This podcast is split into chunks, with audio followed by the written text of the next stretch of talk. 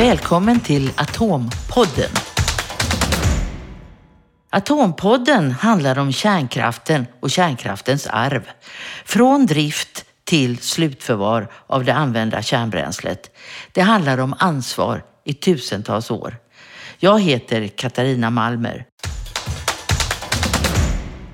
Två av fyra reaktorer har stängts av på Ringhals kärnkraftverk. Nu höjs röster för att återstarta någon av dem. Men är det möjligt? Eller har avvecklingen redan gått för långt? De politiker som vill starta om någon reaktor bör nog lyssna på Lars Björnqvist som leder avvecklingsarbetet på Ringhals 1 och 2. Björnqvist har lång och gedigen erfarenhet av kärnkraften. Han bekräftar nu också att Ringhals 3 och 4 som från början konstruerades för att gå i 40 år nu planeras att drivas i 60 år. 60 års drift av reaktorer som redan nu tillhör Europas äldsta.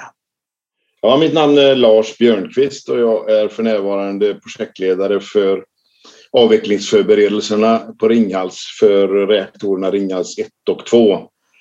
Och det har jag varit sedan 2015 och eh, tidigare så har jag lång eh, bakgrund från kärnkraftbranschen, eh, mer än 30 år. Jag är ursprungligen civilingenjör i kemiteknik med forskarutbildning kring material och korrosion. Jag har jobbat mycket med sådana frågor. Bränslefrågor. Jag har också jobbat med bränsleförsörjningen till alla Vattenfalls reaktorer. Jag har varit blockchef för Ringhals 2 och biträdande teknikchef på Ringhals tills jag fick det här jobbet då i samband med avvecklingsbeslutet 2015. Okej, okay. och eh, då, 2015 då när det här kom, eh, blev du förvånad då? Nej, det blev jag inte alls. För att eh, i och med mitt jobb som blockchef för Ringhals 2 så hade jag varit med om ganska mycket, mycket diskussioner. Det är ju så att våra ägare gör ju hela tiden eh, utvärderingar av, av tillgångarnas eh, värde och eh, fortsatta drift och det hade varit diskussioner kring det ursprungliga stängningsavtalet som var till 2025 och huruvida det var optimalt ur ekonomisk synvinkel eller inte. Och så hade det varit ganska mycket underlag som levererats till ägarna för, för, att ta det här beslutet då. Så det kom ju inte som en blixt från en klar himmel för mig, men för många andra gjorde det ju det. Men hade det, hade det kunnat gå att köra dem till 2025 som du såg det? Eh, gå går ju, men eh, det, det, det är ju ett ekonomiskt beslut som ägarna har tagit när man väger samman eh, så att säga, reaktorernas intjänande förmåga och vad det kostar att driva dem och de risker som är förknippade med, med, med det också. Så det, det var ett sådant beslut. Så det är klart, eh, det hade varit möjligt eh, med, med stor, ganska stora investeringar då att göra det. Men det, det är ju så många gånger att, att eh, man tittar ganska ensidigt på att går det, om vi hade bytt den här saken, hade det gått då? Ja, det, men det, så enkelt är det ju inte. Det är ju en, en väldigt stor mängd information som ska vägas samman av någon av, av våra ägare då som, som kommer fram till en slutsats. Och, och, eh, det var det man gjorde 2015. Sen kan man tycka vad man vill om det. Ja, vad tyckte du? Nej, men jag insåg ju att det, det var ett riktigt beslut då eh, med den information jag hade. Sen finns det ju många andra aspekter. Det finns en elförsörjningsfråga, alltså en, Eh, det diskuteras ju mycket idag då stabiliteten i nätet och svårigheten att, att södra Sverige, alltså prisbilden i södra Sverige har ju gått upp ganska rejält och, och stabiliteten i nätet diskuteras och, och ur sådana aspekter är det är ju Svenska kraftnät då som, som har det uppdraget i Sverige att se till att vi har en stabil elförsörjning. Ja, och där har ju, då har det ju kommit upp att man borde ha kört vidare med åtminstone Ringhals 1. Ja, det har diskuterats sådana och det kan man alltid diskutera. Naturligtvis utifrån ett annat perspektiv då än det rent ekonomiska ägarmässiga. Ja, då pratar gått... vi ju kanske politisk styrning och lite andra, andra styrformer då som också är viktiga förstås. Nu är det ju då drygt ett år sedan eh, Ringhals 2 stängdes av. Vad, vad händer nu? Vad, vad pågår det för arbete? Ja, vi, vi fortsätter producera el. Det är ju Ringhals huvudsakliga verksamhet med Ringhals 3 och 4 nu då. Målet är att vi ska genomföra årets revisioner trots att vi har en rådande pandemi. Och eh, vi har också fått godkänt för, av Strålsäkerhetsmyndigheten för det så kallade oberoende härdkylningssystemet nu som är nyckeln till fortsatt drift enligt eh, de nya krav som finns. Ja, det är det att det ska finnas så, två kylsystem alltså? Ja, ett, ett, helt oberoende system. Ifall alla, alla andra system skulle sluta fungera så, så finns det alltid en sista utväg då med den här oberoende härdkylningen. Ja. Och det, det är ett väldigt bra system eh, som, som säkerställer då vår leverans för framtiden. Men det hann man aldrig så långt med att installera för ettan och tvåan väl? Eh, nej, in, inte fullt ut. Ringhals 1 har, har kommit ganska bra bit på väg fast eh, eh, det är inte licensierat för vare sig ettan eller tvåan mot Strålsäkerhetsmyndigheten. Utan där, där hade behövts ytterligare investeringar för att kunna uppfylla de kraven. Det är en av de sakerna som, som låg, låg naturligtvis i vågskålen när det beslutet diskuterades. De är ju lite till åren de här också. Det var också att de var tänkta att gå i 40 år.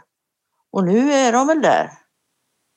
Ja, ja visst. Eh, till och med mer än det. Men eh, Eh, det är ju alltid fråga om eh, 40 år kanske på, på ritbordet. Eh, och det finns ju reaktorer i USA som har tittat på både 60 och 80 års. Och vi, vi har ju 60 för Forsmarksreaktorerna och och det finns också anläggningar som siktar på 80 år. Då får man ju gå igenom och göra en, en sån här analys av livslängd och byta ut sådana komponenter som åldras.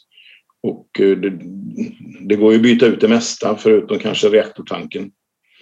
Du, när börjar ni med själva nedmonteringen av ettan och tvåan då? Ja, det, det pågår ju förberedelserna nu och vi håller på med så kallad avställningsdrift. Då, för Ringhals 1 stängde ju också nu i årsskiftet, så nu är ju både ettan och tvåan stängda. Mm. Det, det, som pågår är framförallt att vi ska flytta allt bränsle då till eh, Oskarshamn, till eh, mellanlagret i Klabb. Och eh, dessutom så förbereder vi oss nu för, för nedmontering och rivning. Hur mycket kan ni ha kvar själva vid anläggningen? Vi, vi kommer att behöva ha det mesta kvar fram till det nya förvaret tas i drift, vilket beräknas ske någon gång 2030. Så vi har, vi har plats på Ringhals att kunna mellanlagra då det avfall som uh, nu kommer att produceras. Kan man komma ihåg att det, det, det är ju det mesta av det rivningsavfall som blir är ju inte radioaktivt utan konventionellt avfall. Men har ni, har ni utrymme att lagra eh, bränsleavfallet också? Nej, nej, det, nej, bränslet går, allt går till Clab, till Oskarshamn. Kraftverken har en viss möjlighet att lagra eh, hos sig själva.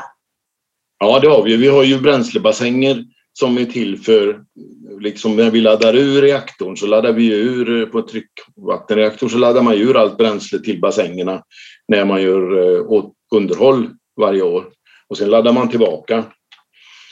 Så att det finns alltid en, en, en ett utrymme att, att uh, ha och även att lagra till viss del uh, sånt utbränt bränsle som, som är på väg till klubb. Men det är, det är ju inte några jättestora volymer som vi kan ha där som vi kan inte stå och producera i flera år och, och lagra på, på sajt utan där måste vi beroende av kontinuerliga transporter till eh, mellanlagret i Oskarshamn.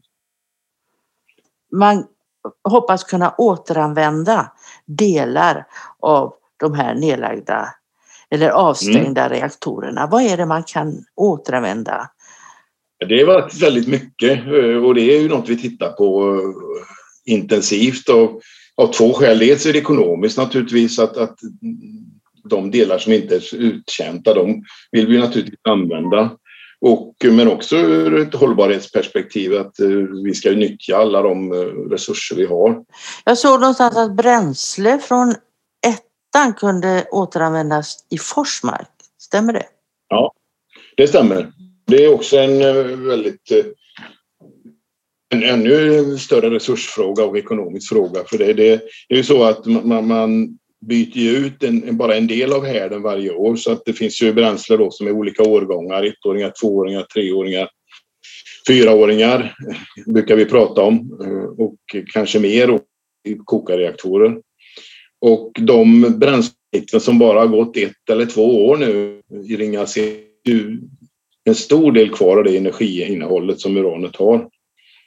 Och eh, det kan återanvändas i Forsmark 1 och 2. Om man då tittar lite framåt, nu är det ju väldigt mycket förhoppningar hos vissa politiker om att eh, det, man ska återstarta och så vidare.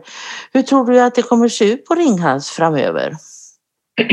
Ja, någon återstart av reaktorerna 1 och 2 är ju inte möjligt eftersom de är permanent avställda och då får man inte återstarta dem eh, och dessutom, alltså, vi gör ju saker nu som gör att det också är irreversibelt. Eh, till exempel de här systemdekonterna, dekontamineringarna, rengöringen av systemen görs ju på ett sådant sätt så att det är inte kvalificerat att kunna starta igen efter en sån rengöring. Aha, det går inte ens om man vill alltså? Nej, men alltså för det första så är det inte ens tillåtet så att all planering utgår från att det ska inte köras vidare. Vi har plockat en del reservdelar redan nu det fanns ju det här jag nämnde i början, OBH-projektet, alltså oberoende härdkylning. Där eh, donerade Ringhals 2 ganska nyinköpta pumpar till det projektet som vi flyttade. Så de finns inte kvar på Ringhals 2 längre. Nu talas det ju också om sådana här små reaktorer. Och ja, det, är, som då, det är väldigt intressant. Ja, mm. och vad, hur ser du på det då? Ja, det, det tycker jag personligen är väldigt spännande och det är ju en utveckling som pågår i, i världen med, med, olika typer av reaktorer och eh, då skulle det mycket väl passa bra med nya reaktorer eh, på Ringhals-sajten. Vi är ju en eh, viktig elproducent i Sverige och kommer så att vara. Eh, och, och marken här är ju avsatt som riksintresse för energiproduktion. Ja, då skulle man kunna lägga lägga sådana här små nya där? För infrastrukturen finns väl också? Den tänka? finns ju där. Nu, nu har ju Vattenfall inte alls några sådana ambitioner ännu vad jag vet. Så att eh, vi, Vattenfall är ju med i ett forskningsprojekt nere i Baltikum men det finns ju inga konkreta planer för Ringhals-sajten eh, så långt utan nu är det ju fortsatt produktion med 3-4 och eh, avveckling av ettan, tvåan som står på agendan de närmaste tio åren. Ja, just det. Men hur, hur eh, länge kan trean och fyran gå då, tror du? Det är ju planerna med 60 års drift fram till runt 2045, någonting sånt. Det är, och det, det är full planering på det med investeringsplaner och liknande. Så